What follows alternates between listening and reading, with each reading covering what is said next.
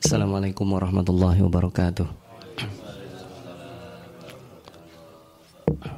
Alhamdulillah, alhamdulillahilladzi anzala as-sakinata fi qulubil mu'minin liyazdadu imanan ma'a imanihim. Walillahi junudus samawati wal ard wa kana Allahu aliman hakima. Allahumma salli wa sallim wa barik ala sayyidina Muhammadin sallallahu alaihi wasallam habibina al-mustafa yaumiddin. Amma ba'd.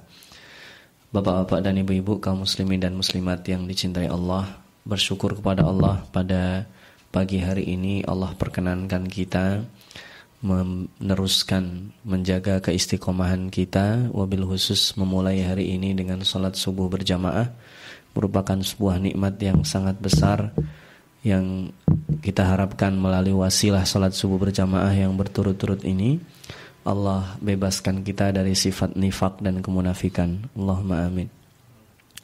Kita akan melanjutkan kajian tadabur kita, halaqah uh, tadabur Al-Qur'an kita pada ayat 154 sampai 153 insyaallah.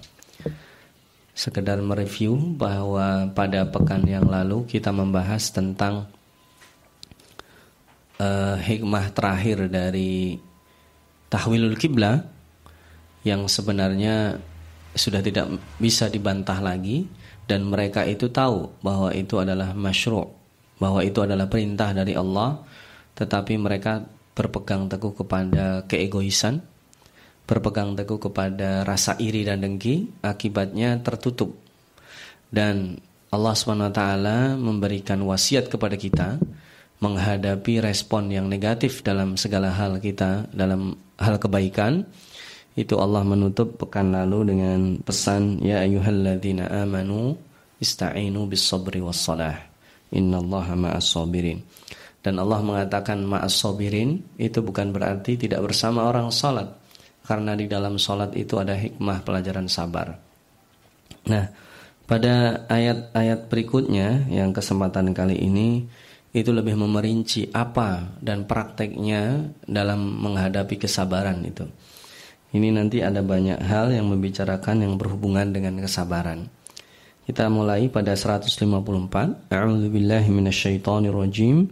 Wa la taqulu liman yuqtalu fi sabilillahi amwat bal ahya'un walakin la tash'urun. Dan janganlah kalian katakan kepada orang yang terbunuh di jalan Allah itu mati.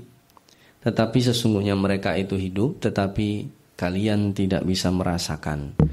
Ini perkataan yang biasa. Kita tidak merasakan apa-apa kalau tidak dihubungkan dengan sebelumnya serta kontekstual ayat ini. Allah mengatakan wala taqulu, jangan dikatakan. Orang yang terbunuh di jalan Allah itu mati, padahal kelihatannya mati. Makanya nanti di dalam uh, kebahasaan itu kenapa Allah tidak menyuruh kita mengatakan mereka hidup? Kalau Allah menyuruh kita misalkan qulu lima yuqtalu fi sabilillahi ahya. Katakan orang yang terbunuh di jalan Allah itu hidup. Itu menyalahi aturan. Karena pada kasat matanya mereka mati. Maka ini datang dengan sigot negatif datang dengan takbir negatif. Padahal takbir negatif itu jarang dipakai. Dalam pendidikan juga takbir negatif itu atau ancaman yang negatif itu alternatif terakhir ketika ajakan positif tidak bisa dilakukan. Tetapi ini adalah salah satu hikmahnya karena kematian itu menjadi hal yang pasti. Dan kematian itu pada kondisi fisiknya terjadi, maka tidak bisa disanggah. Ketika kita melihat seseorang terbunuh di jalan Allah, tergeletak dan sudah tidak ada ruhnya, mereka mati secara fisik. Kenapa? Karena raganya ditinggal dan itu adalah kematian dalam artian kebahasaan, diketahui manusia. Tetapi apa? Ahya. Mereka sejatinya hidup. Nah, pertanyaannya dibalik juga apakah orang yang tidak terbunuh atau apakah orang yang terbunuh tidak di jalan Allah itu mereka nggak hidup ruhnya? Ya, jawabannya adalah hidup juga. Cuman hidup mereka itu tidak seperti hidup karena disiksa. Nah, maka di sini semua orang dia dia berbuat baik atau tidak dalam hidupnya ketika mati maka orang tersebut yang membedakan adalah nasibnya di alam barzah. Orang-orang yang mati dalam keadaan baik dia hidup. Kenapa? Karena menikmati di ruang tunggu kalau boleh memberikan perumpamaan kita sedang transit diberikan VIP long ya. Ya kan ada ruang tunggu yang VIP yang udah langganan Garuda berkali-kali misalnya kan Pak ya bisa diurus. Nah itu kita di dalam transit pun mau 4 jam 5 jam meskipun itu juga uh, tidak bagus juga tetapi transit dalam kondisi yang nyaman itu tidak terasa. Dan itu dikatakan ahya hidup. Karena orangnya itu seolah-olah tidak ada perpindahan. Dia mau hidup di dunia bahkan justru hidup, kehidupan dia saat itu lebih bagus.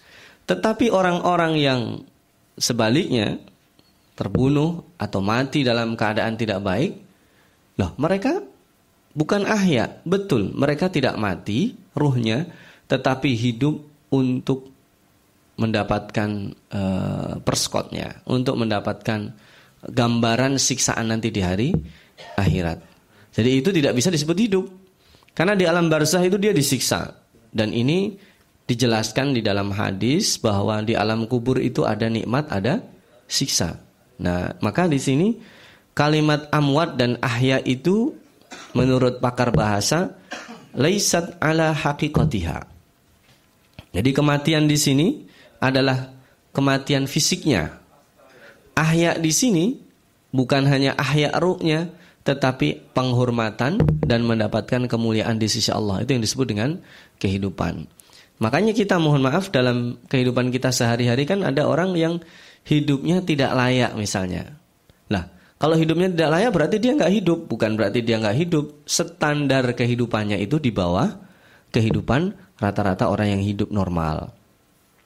Ya, ini ini berarti tidak tidak dikatakan pakar bahasa tadi menyebut laisat ala haqiqatiha. Tidak seperti uh, kenyataannya. Nah, ini berarti majas. Dan ahya di sini diterjemahkan di dalam surat-surat yang lain, bal ahyaun inda rabbihim yurzakun. Mereka itu hidup di sisi Allah. Jadi hidup di sisi Allah itu mereka hidup dalam kondisi dimuliakan. Sedangkan orang-orang yang kafir, orang-orang yang durhaka, mereka hidup tetapi hidupnya itu dihinakan oleh Allah. Tapi lihat, La walakin la tash'urun. Kalian tidak merasakan. Nah, karena perasaan kita pun terbatas.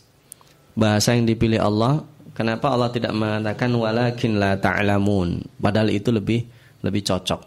Atau walakin la tandurun, tetapi kalian tidak melihat. Tetapi yang dipakai di sini adalah walakin la tash'urun. Kalian tidak merasa. Perasaan manusia pun terbatas. Karena perasaan manusia bisa ditipu. Kita bisa pura-pura sedih melihat orang ini meninggal, padahal yang meninggal itu adalah para penjahat yang dia bungkusnya orang baik. Ya, jadi kita tidak tahu apakah dia hidup itu. Makanya dalam dalam etika kita menganggap dalam ketika orang meninggal itu nahsabuhu minas salihin. Kita mengira, menganggap mereka itu termasuk orang saleh karena nanti keputusannya yang yang tahu hanya Allah. Mayat yang dihadam kita itu baik atau bukan, itu kita tidak tahu. Tetapi dengan zon kita, dengan perkiraan kita, dengan doa kita, itu barangkali bisa menolong orang tersebut. Dan itu ada masyru'nya. Kita menganggap orang orang yang meninggal ini termasuk orang soleh. Tentunya kita nggak bisa pura-pura juga. Kalau pada kenyataannya dia bukan orang soleh, kemudian kita anggap orang soleh, itu Allah lebih tahu. Ini dalam artian kita menghukumi dengan zahirnya. Kita nggak nggak bisa menghukumi dengan yang yang tidak zahir. Maka di sini la tash'urun karena perasaan itu terbatas. Manusia bisa ditipu perasaannya. Maka yang hikmah kedua dalam agama itu perasaan juga tidak boleh dipakai. Karena untuk mengetahui yang gaib itu datangnya dari syariat Allah dengan Al-Qur'an dan Al-Hadis. Nah, kita tahu bahwa mereka itu hidup dari mana? Dari Al-Qur'an.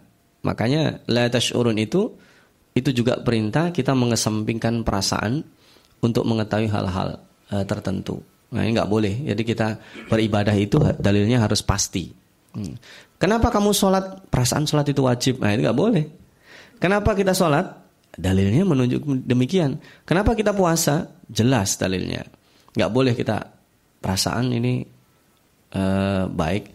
Kecuali dalam hal-hal tertentu yang dibutuhkan istifta. Itu ada istafti kalbak. Ini benar atau salah?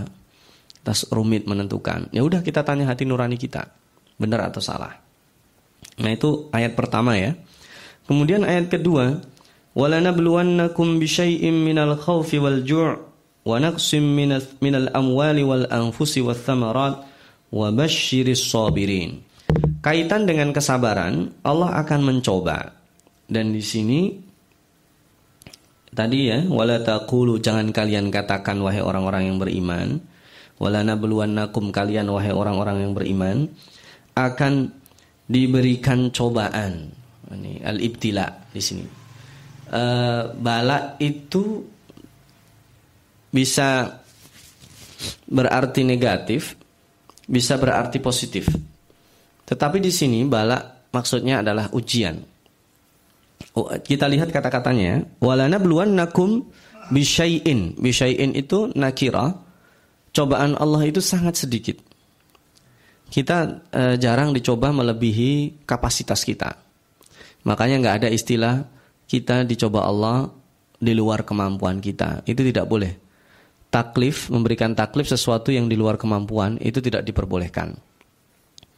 Maka selalu ada rukhsah di dalam sholat. Selalu ada rukhsah di dalam puasa. Selalu ada rukhsah di dalam menjalankan ibadah. Itu makna bahwa kita taklifnya itu tidak pernah dipaksa Allah. Maka di sini ketika walana nakum bisyai'in dengan sedikit saja. Cobaan pertama itu minal khauf. Ketakutan itu ternyata cobaan. Takutan itu masa depan. Kalau sedih, masa lalu. Jadi dua-duanya itu nanti dihilangkan. Ini tempo hari sudah kita bahas. Jadi kalau kita takut itu bagian dari cobaan. Misalkan, naudzubillah kita sudah kerja secara reguler, kemudian dirumahkan. Berarti takut, ini saya dirumahkan nanti anak istri saya makan apa? Nah, ketakutan itu sendiri adalah cobaan dari Allah. Kalau kita bisa mengusir ketakutan itu, kemudian kita usaha, maka ketakutan akan ditutup oleh Allah. Maka cuma sedikit, bisyai'in, biasanya nggak banyak. Kita menganggap banyak itu karena membesarkan. Jadi orang itu sebenarnya masalahnya bukan di masalahnya, tetapi mendramatisir masalah. Dalam hidup dia, kalau dia mau jujur, dibuka, tulis di dalam pena, di dalam kertas, masalah dia tidak banyak. Karena bisyai'in itu sedikit. Setelah takut, yang kedua jual, kelaparan. Nah, lihat, Cobaan pertama itu non fisik. Karena itu pada cobaan yang hakikatnya. Ketakutan itu cobaan yang eh, yang bisa kita lawan, tetapi tidak semua orang sanggup melawannya. Yang kedua fisik, meskipun itu berat dalam kondisi kelaparan, tetapi itu adalah bagian penyempurnaan dari cobaan yang pertama. Kemudian diulang. Tadi ya ada ada fisik non fisik jadi ketakutan dan lapar. Setelah itu lapar itu sendiri yang fisik itu didetailkan sama Allah. Wanaksin dan kekurangan nggak banyak kekurangannya minal amwal wal anfus was thamarat jadi kita misalkan kecurian kita misalkan uang kita hilang benda-benda yang kita miliki berkurang itu sedikit itu kita merasa musibah padahal sedikit. Misalnya kita banding, harta kita sekian. Yang hilang jarang dalam hidup seseorang, hartanya yang hilang itu semuanya. Atau sebagian besar. Seringnya hanya wanaksin, sedikit. Dan itu dia sudah merasa cobaannya luar biasa. Padahal pada hakikatnya itu wanaksin sangat sedikit sekali. Punya uang 100, hilang satu itu sudah luar biasa. Menganggap itu musibah. Padahal dia masih punya 99 dan itu yang terjadi. Berarti manusiawi nggak ada masalah karena uh, sifat manusia seperti itu. Punya 100 hilang satu itu sedih, nggak apa-apa. Nanti ada penyelesaiannya. Kemudian wal anfus, kehilangan nyawa. Punya kerabat, orang-orang yang dicintai, itu mungkin bisa lebih dari 20. Meninggal satu, sedih nggak? Sedih sekali. Apalagi satu ini adalah misalkan orang yang paling dicintainya. Entah orang tua, entah pasangan hidup, entah anak. Itu hilang satu saja, sedih, pasti sedih. Dan itu manusiawi, diperbolehkan. Nah, yang menarik itu ada wasamarat. Padahal tadi sudah ada amwal, sudah ada uh, anfus. Kenapa wasamarat? Wasamarat itu kemakmuran. Wasamarat itu adalah simbol kemakmuran, buah-buahan. Dan saya kira di kita agak sulit memahaminya karena as-samarat itu simbol kemakmuran di tengah padang pasir. Jadi makan buah-buahan di padang pasir itu nikmatnya luar biasa. Kayak kita minum dingin di tengah musim panas. Wah, itu nikmatnya luar biasa. Maka as-samarat itu adalah bukan sesuatu yang primer. Jadi ini gini, orang terbiasa hidup mewah, kemewahannya hilang, itu menurut orang yang melihat itu bukan cobaan. Tetapi orang yang menjalankan itu cobaan. Makanya ada hadis, kalau orang kaya jatuh miskin itu kita disuruh mendoakan orang itu berat. Terbiasa ada. Terbiasa ke mana-mana dia naik mobil, kemudian nggak ada mobil. Itu berat. Nah bagi orang yang lain, ah cengeng banget.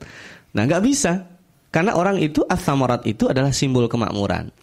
Sama juga. Jadi ini ternyata standar kehilangan dan perasaan itu dicoba Allah itu berbeda-beda antar orang. Si A tadi ya, punya uang 100 tadi. Ada yang baru kehilangan satu dia dicoba Allah. Ada bagi dia, ah saya masih punya 99, belum merasa dicoba, Allah akan tambah. Dan inti daripada al-bala itu teguran Allah. Baik kita orang baik ataupun kita sedang berusaha baik tapi kurang maksimal. Itu cobaan. Makanya kita berharap jangan sampai dicoba Allahnya itu ditegur Allahnya keterlaluan. Ini ada kematian satu nggak berasa, nanti jangan-jangan ditambah lagi supaya kita kembali kepada Allah. Jadi kalau kita lihat di dalam surat uh, Ar-Rum itu ya, Zuharul Fasad, itu kan la'allahum yarji'un supaya orang itu kembali kepada Allah. Jangan sampai kerusakan yang terjadi itu besar. Makanya ini Al-Fakir hanya mencoba memberikan visualisasi kenapa ada asamarat. Padahal tadi sudah takut, lapar, itu uh, fisik dan non fisik. Kemudian diperinci kehilangan harta dan nyawa. Kok ada asamarat? Asamarat itu perlu karena standar orang diuji itu beda-beda. Bagi mohon maaf, orang yang hidup dalam kesusahan, dia sehari makan, sehari nggak makan biasa. Artinya pada saat dia tidak makan, itu bisa jadi dia tidak dianggap Allah sebagai ujian. Tapi begitu misalkan anaknya atau orang tuanya meninggal, dia baru merasa diuji. Tapi bagi orang lain yang terbiasa makan setiap hari tiba-tiba nggak makan, eh, itu cobaan. Makanya itu as adalah simbol kemakmuran tadi itu. Jadi bukan daripada buah-buahannya, tetapi kepada simbolnya. Wallahu alam. Nah, wabasyiris sabirin dan berilah kabar gembira bagi orang-orang yang sabar. Nah, sabar itu inda sadmatil ula. Dalam riwayat lain, innama sabru inda awwali sadmah. Karena begini, di dalam sebuah hadis ya, ada seorang ibu-ibu yang anaknya mati, meninggal, kemudian dia menangis sampai meraung-raung. Dan dia ditenangkan Rasulullah SAW, tapi Rasulullah ini dikatakan atau mendapatkan perlakuan dari perempuan ini tidak layak. Setelah itu setelah agak reda, ibu-ibu ditanya, kamu tahu nggak orang yang tadi menenangkan kamu? Itu adalah Rasulullah. Nah, perempuan tersebut menyesal. Dan dari situlah Rasulullah SAW kemudian bersabda, Innama sabru inda awali sodmah atau inda sodmatil ula. Kesabaran itu pada saat kita mendapatkan musibah, bukan dua tiga hari lagi. Dua tiga hari lagi orang udah mikir normal. Orang marah, rata-rata orang malah menyesal. Tapi begitu melihat pintunya udah pecah, misalkan TV-nya udah pecah, dia pasti nyesal. Dan itu tidak berfungsi. Tapi la takdob, la takdob itu pada saat kita berada di puncak kemarahan. Nah, kita bisa melawan kemarahan itulah yang disebut uh, kesabaran yang puncak. Sama pada saat musibah terjadi pertama kali, kehilangan atau kekurangan tadi itu, uh, takut, ju, kemudian harta, kemudian kematian, termasuk tadi kehilangan simbol kemakmuran, kita bisa sabar, nah itu akan diberikan kabar gembira. Apa itu orang-orang yang mendapatkan kabar gembira? Orang-orang sabar itu apa? Alladzina idza asabatuhum musibah. Ketika mereka mendapatkan musibah, qalu inna lillahi wa inna ilaihi rajiun. Mereka mengatakan, ini syaratnya pertama, mengatakan. Kenapa? Perkataan itu bisa memberikan setruman motivasi. Makanya gini, kalau kita mendapatkan musibah kita coba aja innalillah. Harus dikatakan karena itu akan mendoktrin otak kita. Dan innalillahi wa inna ilaihi rajiun itu filosofinya dalam. Innalillah. Kami ini berasal dari Allah, milik Allah. Kalau hidup kita itu bersama kepemilikan Allah dan orbit Allah, wa inna ilaihi rajiun kita akan kembali dengan Allah. Kembali kepada Allah, kembali beserta Allah. Dan orang yang hidupnya tidak bersama Allah, wa inna ilaihi rajiun itu sulit. Makanya ini dalam kematian itu di dalam keranda ditulis itu ya. Itu filosofinya sangat dalam. Orang yang mampu hidup di jalan Allah, kembali kepada Allah dan dia hidup. Makanya para mujahid fisabilillah, eh, tentara-tentara Allah itu bahkan termasuk orang-orang yang terbiasa dia berperang di jalan Allah, dia akan mengatakan meninggal di jalan Allah itu berat tetapi lebih berat adalah hidup di jalan Allah. Karena kalau meninggal di jalan Allah selesai, dia mendapatkan kemuliaan. Tapi konsisten di jalan Allah itu lebih berat. Karena kan kita hidup konsisten dalam Allah kan untuk berakhir seperti itu. Hari ini kita masih ringan salat subuh berjamaah. Tapi dua tiga hari lagi belum tentu. Dua tiga hari lagi pikiran kita seperti apa belum tentu. Makanya untuk konsisten inilah itu yang disebut dengan visabilillah. Ucapan visabilillah itu penuh filosofis berada di dalam jalan Allah. Bukan hanya sekali dua kali aja, tapi fi selalu berada di dalam. Maka la tamutunna illa wa antum muslimun. Jangan sekali-kali kamu mati dalam keadaan kecuali kamu berislam. Kan pertanyaannya emang saya boleh milih nggak mati? Nggak bisa.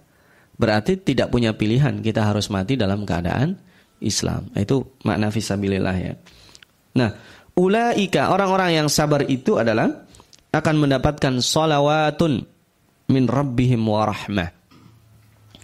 Ini kata-kata luar biasa, salat dari Allah. Arti salat itu arti bahasanya doa. Tapi kalau doa dari yang memberi itu nggak pas. Allah wa malaikatahu yusalluna 'alan nabi. Itu beda. Salawatnya Allah dengan salawatnya malaikat kepada Nabi Muhammad. Kepada Allah lain malaikat maaf dari Allah lain, dari malaikat lain, dari orang beriman lain. Kita bersalawat kepada Nabi itu kalau malaikat itu mendoakan. Kalau Allah di sini kata Imam Al-Ghazali al-i'tina bisyan. Jadi mengawal meriayah semuanya.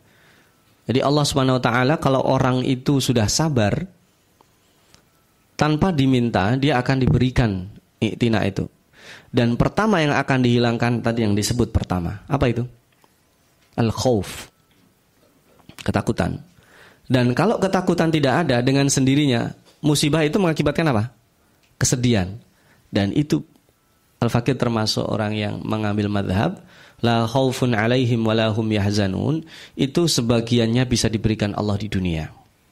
Jadi apa yang dia takuti? Semuanya udah milik Allah. Apa yang membuat dia sedih? Musibah itu tidak akan membuat dia berputar kembali ke masa lalu. Maka solawat di sini artinya dan bukan solat ya, solawat.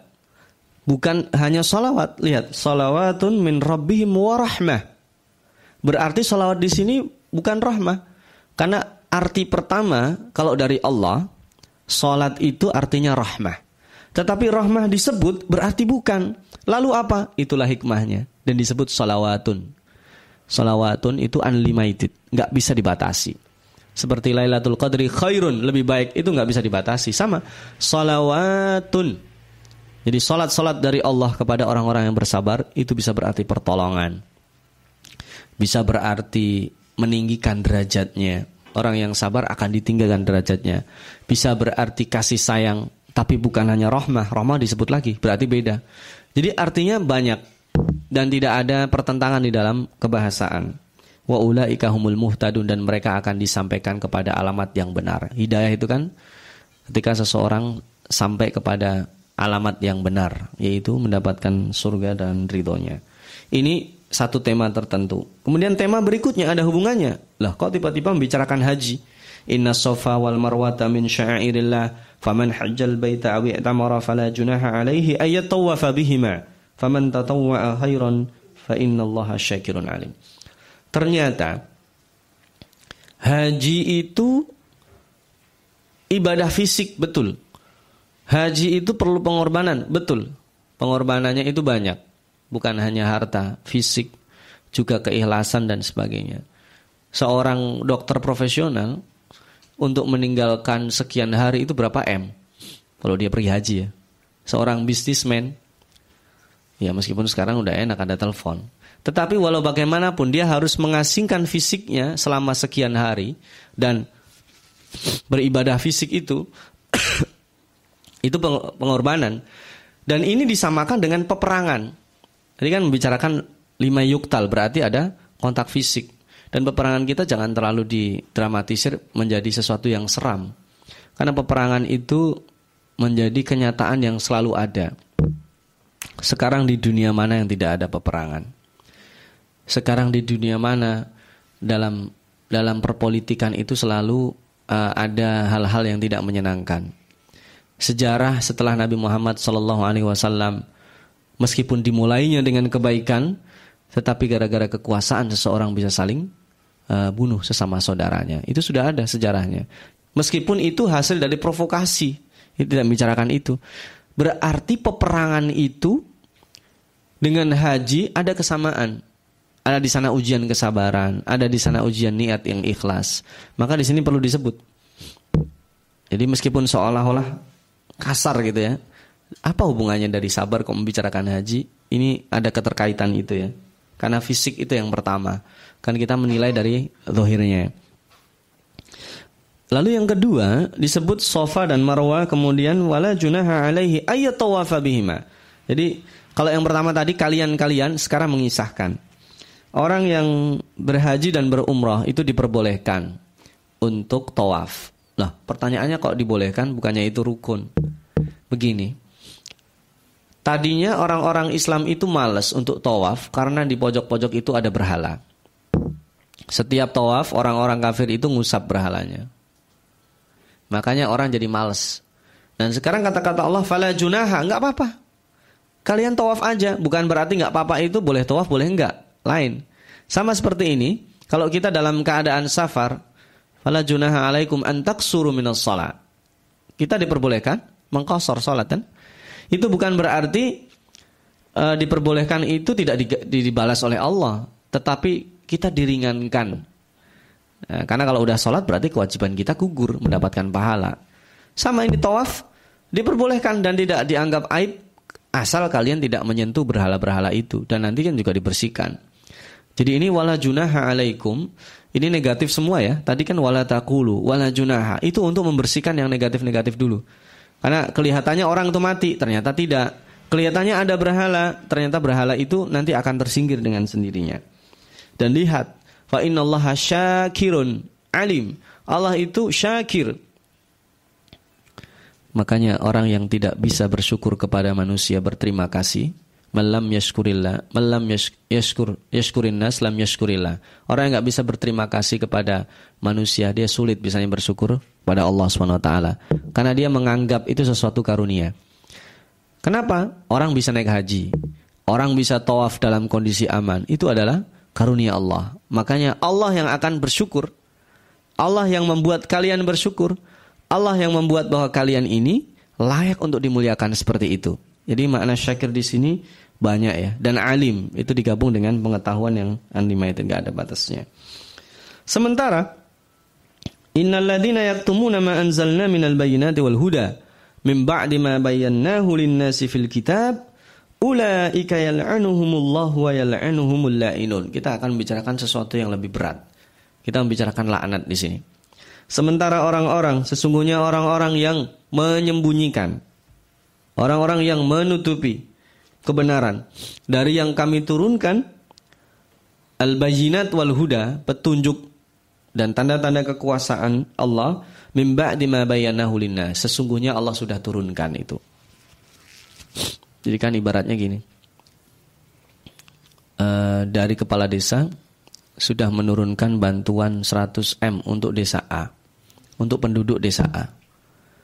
Tetapi kemudian yang sampai ke bawah itu mungkin bisa jadi setengahnya bisa jadi kurang.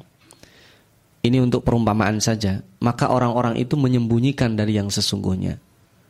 Dan ini kata Allah, karena orang-orang ahli kitab itu tidak semuanya dipungkiri. Mereka beriman sebagian saja. Kira-kira seperti itu. Dikorup itu ayat-ayat Allah. Pengetahuan mereka bahwa Nabi akhir zaman itu nanti menghadap kiblat ke Baitullah itu sudah ada. Tapi kenapa mereka itu mengingkari begitu mereka ditinggalkan kiblatnya? Kemarin sudah kita bahas ya. Begitu mereka ditinggalkan kiblat ke Baitul Maqdis, menghadap kiblat yang Nabi Muhammad rindukan, itu mereka langsung klaim ini nggak punya pendirian. Kemarin sholat ngadep sana, sekarang sholat ngadep yang lainnya, nggak punya pendirian. Nah ini Allah Subhanahu Wa Taala ingin menegaskan orang-orang yang menyembunyikan sesungguhnya Makanya ini cobaan orang-orang yang benar. Eh maaf, cobaan orang-orang yang pinter. Mereka syakirun alim ya. Maha mengetahui. Orang yang pinter itu atau orang yang tahu itu cobaannya berat. Makanya kadang ada yang halal dengan pengetahuan dia dan dengan luar biasa dalilnya bisa menjadi haram. Atau sebaliknya. Kenapa? Karena dia bisa bersilat lidah. Tapi orang yang melakukan ini setelah standar yang diturunkan Allah, ayat-ayat Allah itu jelas akan mendapatkan apa di sini? Ulaika yal'anuhumullah. Mendapatkan laknat dari Allah. Wa yal'anuhumul la'inun.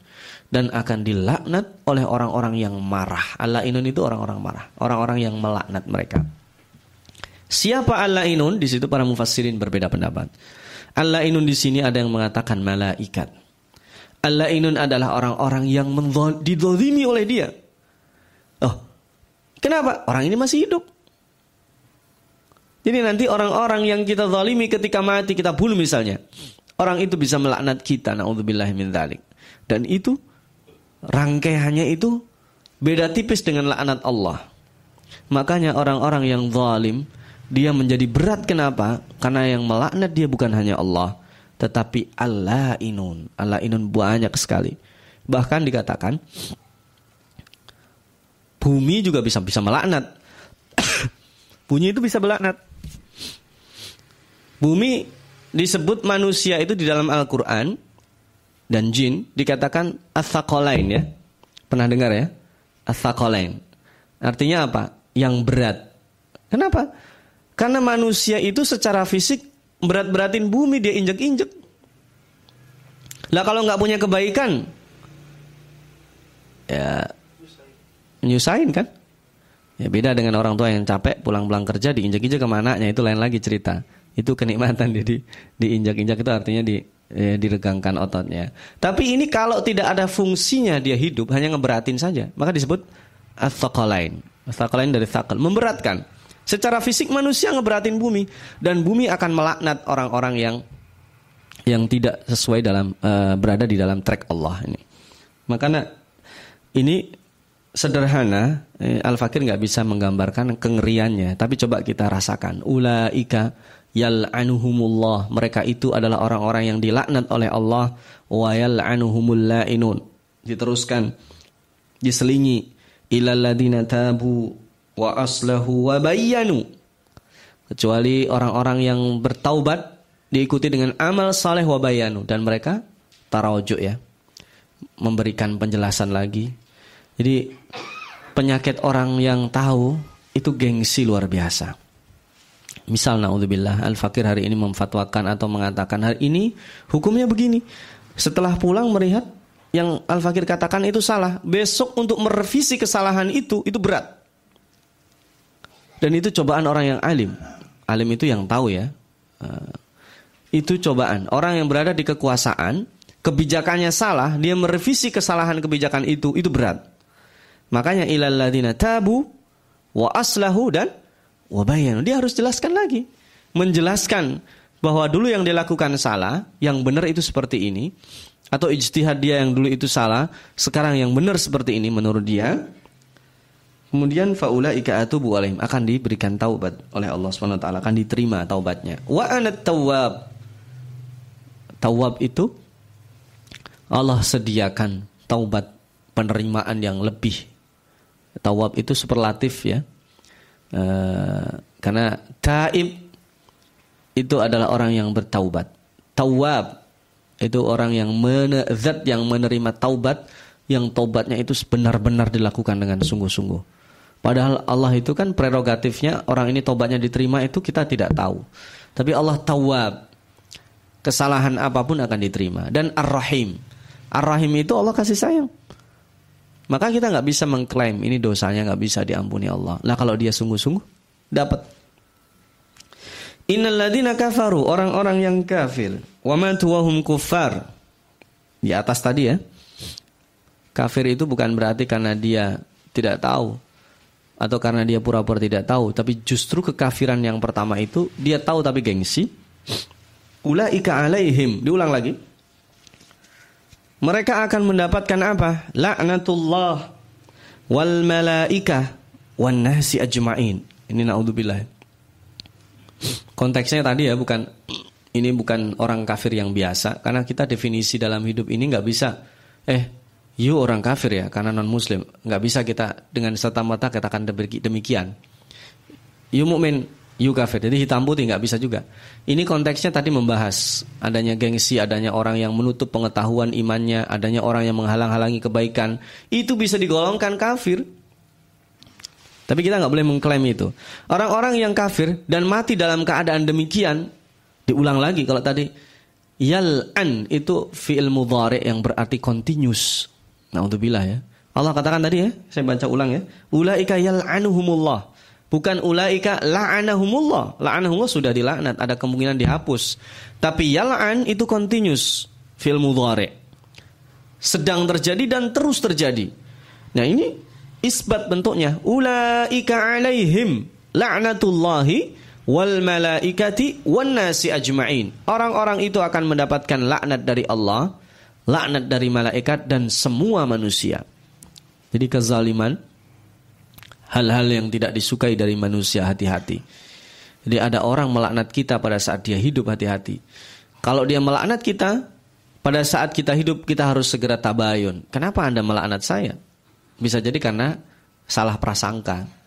Nah, kalau kita sudah mati dilaknat, naudzubillah atau sebaliknya, kita masih hidup tapi orang yang mati itu melaknat kita, itu masuknya di atas tadi. Ulaika yal'anuhumullah wa yal'an humul la'in wa yal'anuhumul la'inun. Maka hati-hati kita dengan laknat ya. Dan laknat itu sebenarnya apa? Laknat itu adalah kalau dari Allah itu yang paling tinggi diddur rahmah. Kebalikan daripada rahmat. Minimalnya rahmat itu tidak diperhatikan. Maka dalam surat Yasin itu ada kata-kata wahasyar rahman bil ghaib. Takut kepada ar-Rahman. Kan nggak nggak matching ya. Harusnya yang ditakuti itu yang maha gagah, yang maha perkasa, yang maha uh, pemaksa, al-qahar, al-aziz misalnya, al-mutakabir, al-muntakim yang bisa membalas. Tetapi wahasyar rahman, kenapa ada takut kepada ar-Rahman? Takut ar-Rahman itu takut tidak disayangi. Ya, itu minimal ya, dimulai dari situ. Yang paling tinggi Ar-Rahman itu lawannya laknah itu. Laknah itu diazab, dibenci, dicuekin, dijadiin satu. Gabungan antara azab fisik dan azab psikis itu tadi. Nah, yang berikutnya khalidina fiha, dilaknat khalidina fiha dan berada terus-terusan dalam hal kekekalan itu. La yukhaffaf, tidak diringankan barang sedikit pun. Anhumul azab walahum yunzaron, tidak ada jeda-jedanya, tidak ditunggu. Kalau manusia di dunia sehebat obat orang nyiksa, capek yang nyiksa. Ya kan? Dipukuli lima orang, kira-kira itu berhenti nggak? Ya maksimal setengah jam, tangannya udah capek, berhenti. Di akhirat itu tukang pukulnya emang diprogram untuk itu. Ya kan? Diprogram untuk mukul. Kerjaannya untuk itu. Profesinya untuk itu. Dan malaikat diciptakan seperti itu, malaikat azab dia tidak bisa kompromi. Tidak bisa diajak negosiasi. Karena kita negosiasinya untuk dengan apa? Nggak ada. Dan kata Allah, orang ini kan kalau kita ya dipukul mati selesai. Tidak ada di akhirat itu istilah mati dan hidup. Di akhirat kekekalan adanya.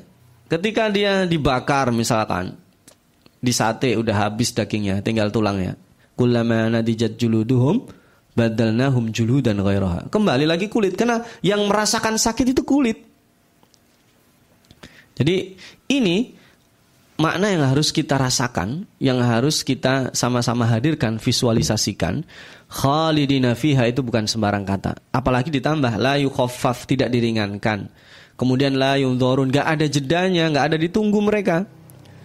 Enggak ada siksaan itu meskipun ada beberapa orang ya dapat uh, keringanan misalkan Abu Jahal atau Abu Lahab di hari tertentu dia diringankan atau Abu Talib mendapatkan keringanan karena uh, beliau itu mendukung dakwah Rasulullah Sallallahu Alaihi Wasallam. Tapi beliau tetap termasuk bukan orang yang beriman kepada Allah. Ini kita serahkan semuanya kepada Allah. Dan terakhir Allah tutup pada kesempatan kali ini ini wa ilahukum kembali ya. Kalau yang tadi itu disebut dengan gaib, ngomongin orang.